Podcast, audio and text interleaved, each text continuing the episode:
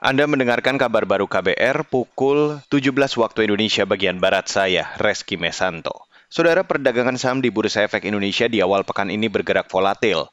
Indeks harga saham gabungan dibuka di zona hijau dan sempat menyentuh level 7.100, namun sepanjang hari anjlok ke zona merah. Dikutip dari RT Business pada perdagangan sore ini, IHSG berbalik arah dan ditutup menguat tipis 2 poin atau 0,03 persen ke level 7.086.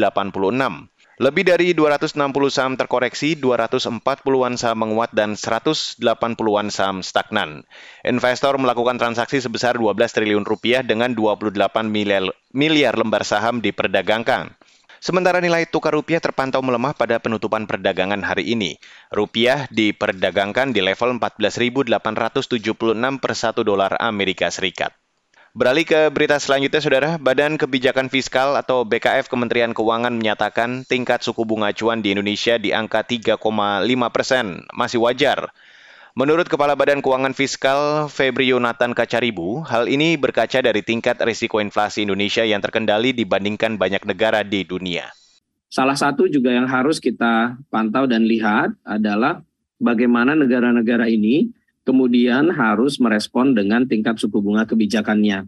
Uh, Indonesia uh, pada saat ini tingkat suku bunga kebijakan masih di 3,50 karena memang dilihat bahwa tekanan inflasi kita masih relatif cukup terkendali dibandingkan dengan banyak negara lain. Kepala Badan Kebijakan Fiskal Febrio Kacaribu mengatakan stabilitas ekonomi Indonesia sebagai negara berkembang masih cukup aman, tidak seperti Brazil dan Meksiko yang tingkat inflasinya sangat tinggi dan harus direspon dengan kebijakan tingkat suku bunga. Sebelumnya, Kepala Ekonom Bank Rakyat Indonesia atau BRI Anton Hendranata menyarankan Bank Indonesia menaikkan suku bunga acuannya dari 3,5 persen. Anton beralasan saat ini jarak suku bunga antara Bank Indonesia dan Bank Federal Amerika The Fed semakin kecil dan konsisten menambah tekanan depresiasi rupiah. Selama setengah tahun ini, The Fed sudah empat kali menaikkan suku bunga acuan dengan total kenaikan 225 basis point menjadi 2,25 hingga 2,5 persen pada akhir Juli lalu.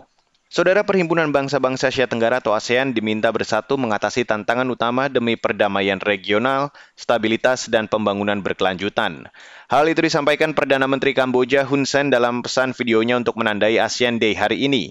Kamboja yang menjadi ketua ASEAN tahun ini menyatakan komitmennya menegakkan dan mempromosikan persatuan dan solidaritas ASEAN untuk mengatasi tantangan regional.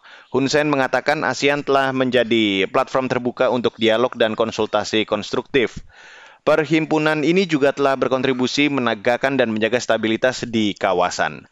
Dan saudara, demikian kabar baru saya Reski Mesanto.